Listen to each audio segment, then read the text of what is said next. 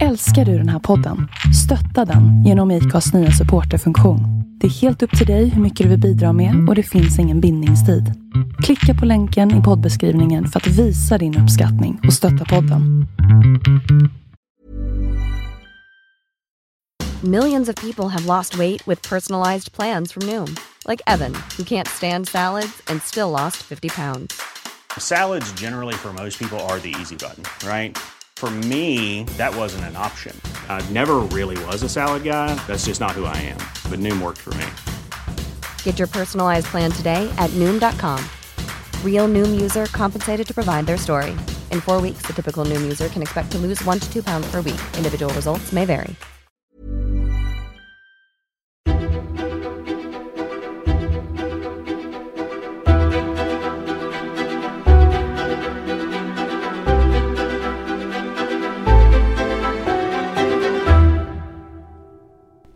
Välkomna till Minuter med mord, en podd där vi presenterar kända kriminalfall i korthet. Jag heter Tobias Henriksson.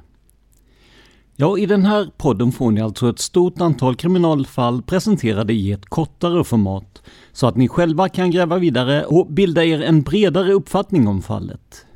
Poddar som Mördarpodden, Massmördarpodden och Seriemördarpodden är fantastiska resurser för att verkligen nörda ner sig i fallen.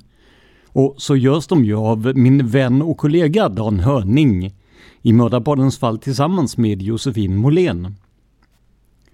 Avsnitten ni kommer att få höra i den här podden är omarbetningar av de ursprungliga avsnitten som sändes via Mördarpoddens Facebook-sida.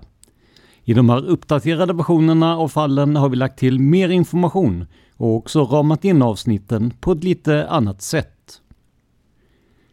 Innan vi kör igång så vill jag påminna er om att ni gärna får stötta podden om ni tycker att det vi gör är bra.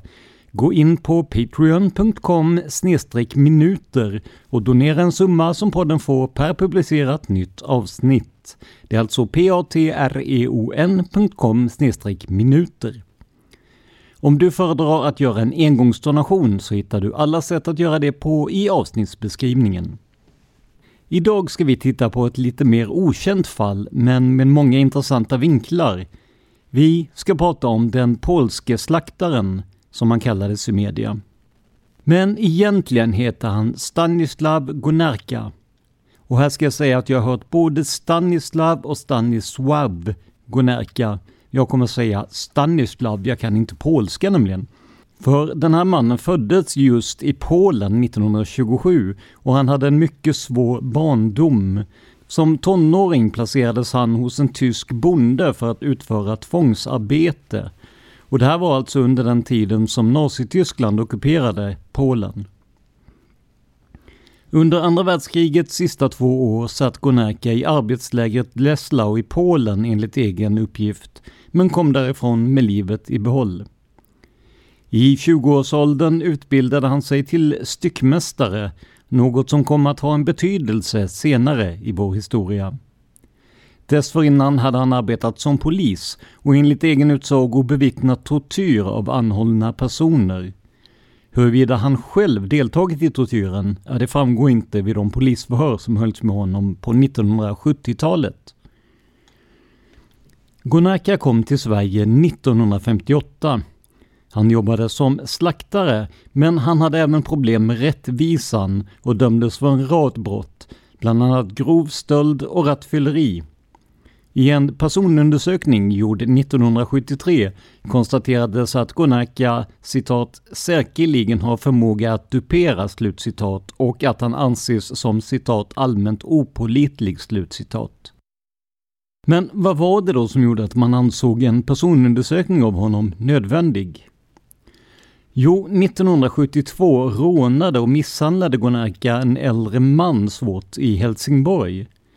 Gonarka använde en gummibatong som tillhygge och slog flera slag mot mannens huvud. Gonarka dömdes till fängelse i två år och åtta månader för rånet och begångna checkbedrägerier. I samband med fängelsestraffet gjordes alltså en personutredning på honom.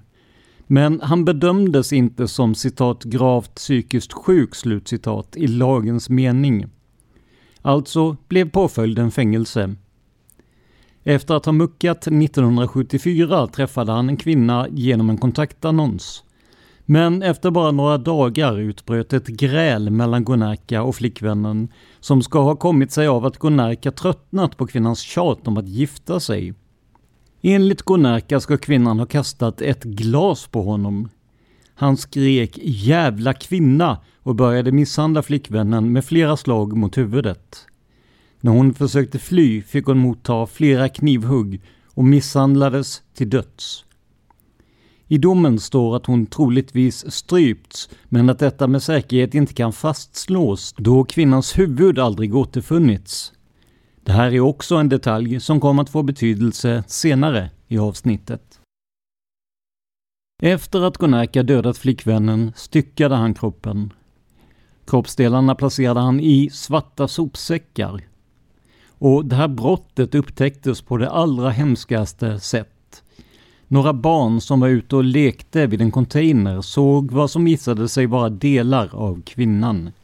Deras föräldrar trodde först inte på dem, men följde sedan med och tittade. Det man såg gjorde att polisen omedelbart kontaktades. Polisen skaffade sig snart en huvudmisstänkt efter inte allt för stor möda. Intill en av plastpåsarna med likdelar fanns nämligen ett kuvert adresserat till Styckmästare Stanislav Gonerka, Hyacintgatan XX, siffrorna utlämnade, 215 26 Malmö. När man tog sig in i mannens lägenhet hittade man en kvinnas torso inlindad i plastsäckar ute på balkongen. Nu rådde det inget tvivel om att Gonärka var skyldig. Han hittades snart på Möllevångstorget i Malmö, gravt berusad. Gripandet blev odramatiskt. För styckningen och dödandet av kvinnan i Malmö dömdes han till rättspsykiatrisk vård, men uppenbarligen inte med särskild utskrivningsprövning, i alla fall inte enligt dagens definition. För bara drygt två år senare fick Gunnarka permission för att besöka släktingar i Polen. Han återvände inte till rättspsykiatrin som överenskommet, utan kom istället att begå nya brott i Polen när han greps där såg den polska polisen att Gunnarka hade svenskt medborgarskap, något han hade fått ett par år tidigare. Med andra ord var problemet inte deras, utan Sveriges menade man och satte helt enkelt Gonärka på nästa färja till Sverige. Vad man inte gjorde var att meddela myndigheten om det, vilket fick ödesdigra konsekvenser. För strax efter att färjan hade lagt till i Ystads hamn träffade han två äldre personer som tillsammans drev ett pensionat i staden. Efter att, enligt egen uppgift, pratat med dem och bott på pensionatet högg han brutalt ihjäl de båda och stal flera av deras tillhörigheter. Motivet till detta är så vitt känt ytterst oklart så länge det inte rör sig om ett klassiskt rånmord för att få ekonomiska fördelar. Stanislav upptäcktes senare av polis på väg från den mördade mannens lägenhet. Det var nu dags att ingripa mot mannen igen. Och här hade man marginalerna på sin sida. För när Gonaka upptäckte att han var efterföljd genade han över järnvägsspåren och sprang mot Polenfärjan. Polisen hann ikapp honom, men Gonaka försökte bluffa sig ur situationen genom att påstå att han var andre styrman på färjan något som poliserna inte alls köpte. När man visiterade Gonakia hittades bland annat nycklarna till den avlidne mannens lägenhet, dennes sparbanksbok och en porslinsfigur från pensionatet där de två nu avlidna personerna jobbade. Stanislav Gonakia nekade till att ha något att göra med morden, men dömdes på övertygande bevisning till fortsatt rättspsykiatrisk vård. Här hade historien kunnat sluta, om det inte var för en sak till. För efter att han hade släppts fri flyttade nämligen Stanislav till Stockholm och drev där ett mindre slakteri. Hans tidigare domar och hans förmåga inom styckningskonsten gjorde att han var en av dem som var intressanta när mordet och styckningen av Katrin da Costa utreddes. Eller rent krast vet vi ju inte om hon blev mördad.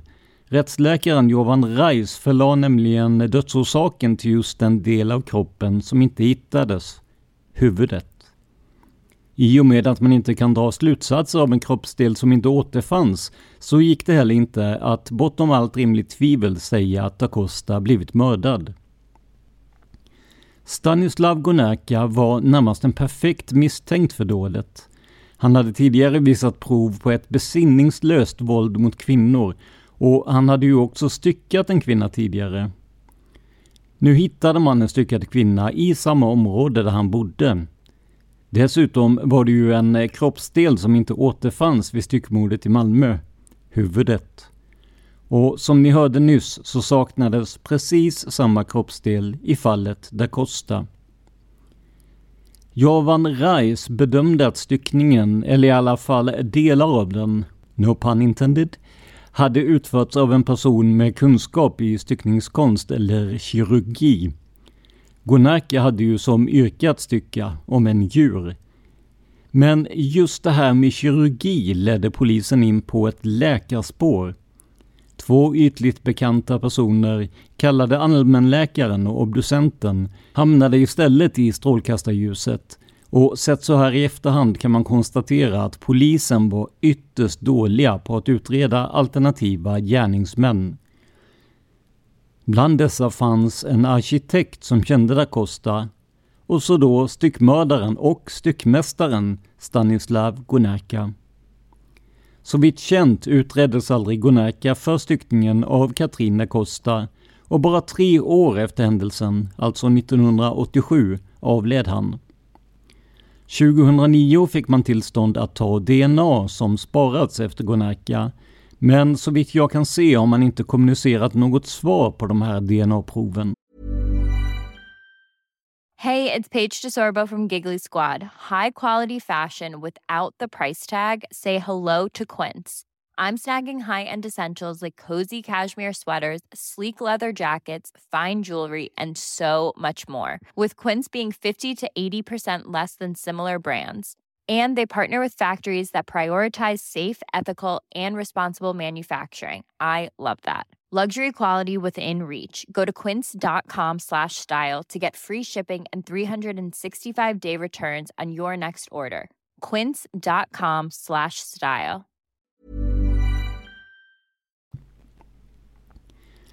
Stanislav Gonärka har tre mord på sitt samvete vid två olika tillfällen med en avkylningsperiod emellan. Vid mordet i Ystad dödade han ju två personer i samma dåd så att säga. Om han också bragt Katrin da Costa om livet innebär det att vi har en svensk seriemördare som seglat under radarn i många år. Men hans eventuella koppling till fallet da Costa lär vi väl aldrig få svar på Lika lite som vi lär få reda på vem som mördade henne, om hon nu ens blev mördad. Det här var Minuter med mord av och med Tobias Henriksson på PRS Media. De här korta avsnitten producerades ursprungligen för Mördarpodden, en podcast av Dan Hörning och Josefin Molén. Vill du veta mer om mig och mina projekt Besök facebook.com prsmedia.se eller gilla oss på Instagram där vi heter prsmedia. Ett ord, små bokstäver. Låten i vårt intro och outro heter Life Decisions och görs av Remember the Future. Tack till alla som stöttar oss via patreon.com minuter. Men framförallt, tack för att du lyssnar på Minuter med mod.